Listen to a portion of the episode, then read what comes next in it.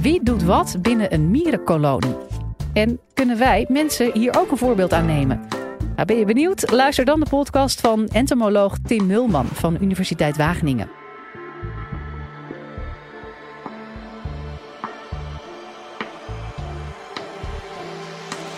Live vanuit Club Air is dit de Universiteit van Nederland. Wie van jullie heeft er wel eens mieren gezien? Ja, iedereen toch? Ja, oké. Wie van jullie heeft er wel eens werkende mieren gezien? Ook iedereen, of in ieder geval bijna iedereen. En wie van jullie heeft er wel eens werkeloze mieren gezien? Niemand? Een enkeling misschien? Ik zie dagelijks werkloze mieren. Ik heb ongeveer 25 verschillende soorten mieren thuis staan. En deze houd ik in formicaria, nesten waarin je mieren kunt houden. En in deze formicaria kan ik die mieren goed observeren, zowel buiten als binnen in het nest. En juist binnen in dat nest zien we die werkeloze mieren. En terwijl het lijkt alsof in dat nest die mieren stilzitten, werkeloos zitten, is deze kolonie er in een eerder nest in geslaagd om te ontsnappen. Toen ik s'avonds thuis kwam na een dag weg, liepen er plotseling honderden mieren door het huis. Die ogenschijnlijk werkloze mieren hadden hard gewerkt en hadden een gang gegraven door het nest heen naar buiten en waren ontsnapt mijn huis in. Nou, ik heb ze verplaatst naar een beter nest, waar ze niet uit kunnen komen, dus je hoeft niet bang te zijn dat ze hier straks rondlopen. Maar daarom zien we mieren vaak als drukke, hardwerkende diertjes. Ze lopen altijd over straat, zijn druk bezig uh, met takjes aan het slepen, met dode insectjes. Maar zijn die mieren eigenlijk wel zulke harde werksters? Niet alle mieren werken hard. En er zijn ook werkeloze mieren. Maar hebben deze mieren misschien toch ook een functie? Die mieren die we normaal boven de grond zien lopen, is eigenlijk maar een fractie van alle mieren die in een kolonie zitten. Een mierenkolonie kan wel duizenden, soms miljoenen mieren hebben. En wat wij boven de grond zien is maar een klein deel daarvan. Er zijn zelfs schattingen dat de totale biomassa aan mieren vier keer zo groot is als dat van mensen. Dat is dus een gigantische hoeveelheid mieren. Nou, dat is misschien ja, lastig voor te stellen. Um, kunnen we misschien iets meer een beeld bij krijgen als we zien hoe groot die nesten kunnen worden. En onderzoekers uit Zuid-Amerika hebben een nest opgegraven van bladsnijdermieren. En ze wisten dat dat vrij grote mierennesten kunnen worden. Dus hadden ze flink wat emmers beton meegenomen en in dat mierennest gaan gieten. Maar dat bleek al snel dat dat niet genoeg was. Dus pas die tweede wagen vol beton, die was erin leeggegoten en toen zat het nest vol. En toen dat beton was uitgehard, konden die onderzoekers beginnen met dat nest uit te graven. En ze zijn daar met een groep wetenschappers dagen mee bezig geweest. En uiteindelijk kwam dat nest tevoorschijn. En het bleek een gigantische mierenstad te zijn. Als we dus onder de grond zouden kijken, zouden we veel meer mieren zien um, dan dat we normaal boven de grond zien. En juist daar zitten die werkeloze mieren. Dus het is geen wonder dat jullie die werkeloze mieren nog nooit gezien hebben. Nou, dit is de buitenruimte waar ik die mieren eten geef.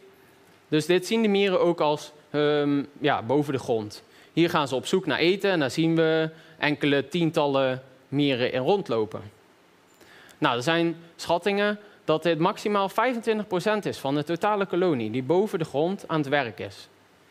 Het grootste deel zit dus eigenlijk onder de grond. 75% van alle mieren in zo'n kolonie zit eigenlijk altijd onder de grond.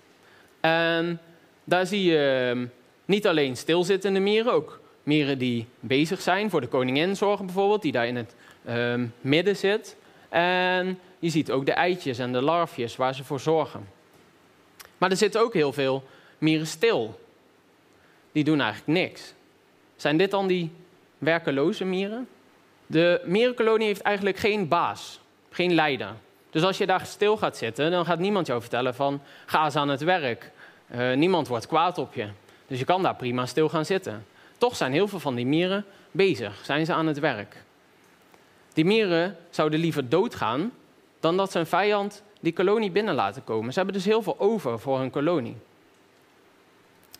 En sommige mieren, een soort uh, Aziatische mier, die heeft dit zo extreem ontwikkeld dat hij zichzelf kan opblazen. Dus op het moment dat hij omringd wordt door vijanden, dan kan hij een chemische reactie in zijn achterlijf starten. En dan ontploft zijn achterlijf. En dan komt een chemisch plakkerig goedje uit, wat dan op die vijanden komt. Dus al die vijanden om hem heen gaan dood. Maar ja, die mier zelf gaat ook dood. Het ultieme offer dus ehm, voor het voortbestaan van die kolonie. Al die mieren hebben een functie binnen de kolonie.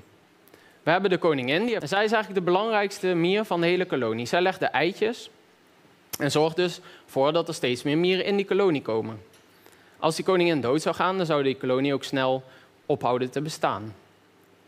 Dan hebben we mannetjes die we één keer per jaar zien en die de vrouwtjes bevruchten, de nieuwe koninginnen bevruchten. En als ze dat gedaan hebben, dan gaan ze dood. Zo'n mierenkolonie is dus echt een vrouwenmaatschappij. Nou, daar hebben we die koningin en we hebben dan heel veel werksters. En die werksters die hebben verschillende taken. Je hebt de verkenners die op zoek gaan naar voedsel. De uh, mieren die patrouilleren in het gebied, in het territorium van die mieren. Uh, om in de gaten te houden dat er geen vijanden binnenkomen. En die zien we vooral buiten rondlopen.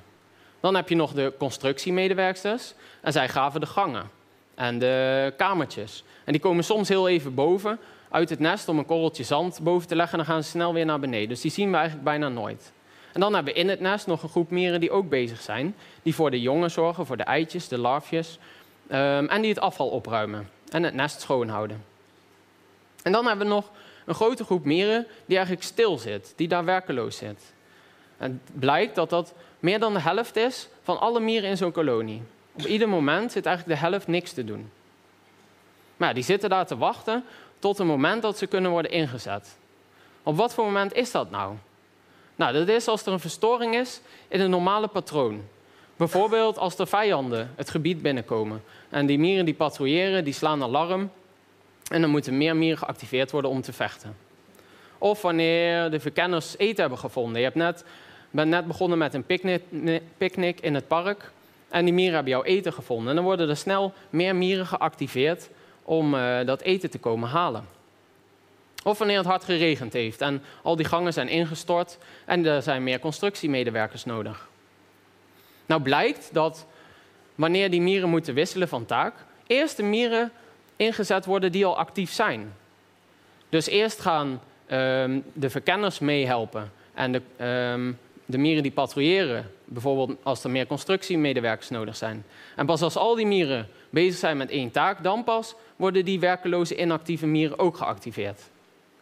Ja, wanneer is dat dan? Dat moet wel een bijzondere um, gebeurtenis zijn als dat zover komt.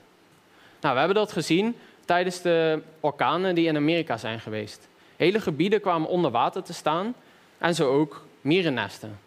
Nou zitten daar speciale mieren, vuurmieren. En die mieren kunnen een vlot bouwen van hun eigen lichaam, een levend vlot. En door elkaar vast te houden aan hun pootjes, zorgen ze ervoor dat die kolonie veilig is. Dus die koningin kan daar mooi bovenop dat vlot zitten en die eitjes liggen daar ook en die larfjes. Allemaal veilig, droog. Maar ja, er zitten ook mieren onderop, die onder water zitten.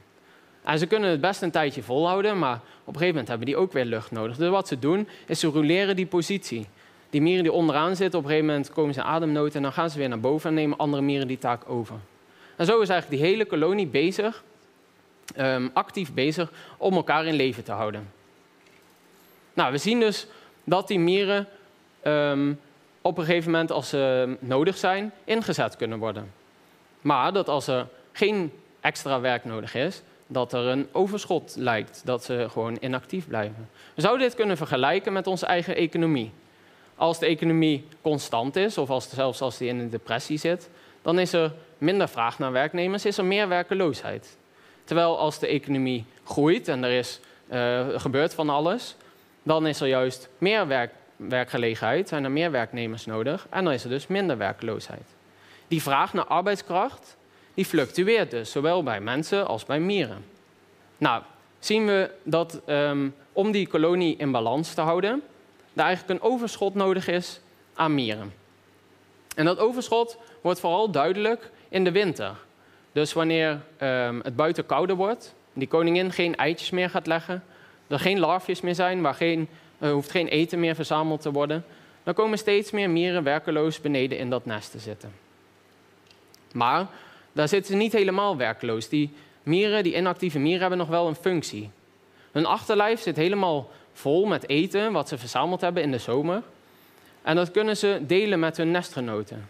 Dus wanneer anderen honger hebben, dan zullen ze wat van dat eten uit hun lijf um, opbraken. En dat kunnen ze dan aan hun nestgenoten voeren. En op die manier um, ja, houden ze de kolonie in leven gedurende de winter. En er is één soort mier, de honingpotmier uit Australië. Dit heeft dit tot een extreme ontwikkeld. Deze gaan eigenlijk nooit in winterslaap, maar die hebben altijd inactieve mieren in het nest hangen. Die mieren hangen aan het plafond en die bewegen eigenlijk bijna niet. Maar jullie zien al dat het geen normale mieren zijn. Die achterlijven zijn enorm dik geworden. En in tijden dat er heel veel voedsel te vinden is, worden die mieren helemaal volgestopt met eten. En zijn dus eigenlijk opslagvaten voor de kolonie. Daar wordt al hun eten verzameld en opgeslagen. En op het moment dat er minder eten beschikbaar is, dan kunnen deze mieren um, weer eten geven aan hun nestgenoten. Het leven in zo'n sociale gemeenschap heeft heel veel voordelen. Dat is ook de reden waarom sociale insecten, zoals mieren, zo succesvol zijn geworden. Maar ook de reden waarom wij mensen zo succesvol zijn. Samen staan we sterk. Maar als er voldoende eten en drinken is in zo'n mierenkolonie, of wanneer de economie constant is, dan zien we dat er niet voor iedereen op dat moment werk is. Pas wanneer de, weer, uh, de economie weer gaat groeien, of wanneer er verstoringen zijn in de normale gang van zaken in zo'n uh, mierenkolonie, dan worden andere mieren of mensen weer ingezet om te werken. Nou, ik heb jullie verteld dat er werkeloze mieren zijn. Dat dit eigenlijk wel de helft is van alle mieren die we in zo'n kolonie vinden. Dat 25% van die mieren eigenlijk buiten het nest aan het werk is en de andere 25% in het nest aan het werk is. En dat ze daar allemaal een eigen functie hebben. Maar dat die werkeloze mieren nog steeds een functie hebben. Dat ze dienen als voedselopslag, maar ook als reserve. En als die kolonie hulp nodig heeft, dat die snel geactiveerd kunnen worden en ingezet wanneer nodig. Goed, ik ga mijn mieren nu weer activeren, zodat ze met mij mee willen, terug willen naar huis. En ik wil jullie hartelijk bedanken voor jullie aandacht. Wil je nou meer afleveringen van de Universiteit van Nederland horen? Check dan de hele playlist en ontdek het antwoord op vele andere vragen.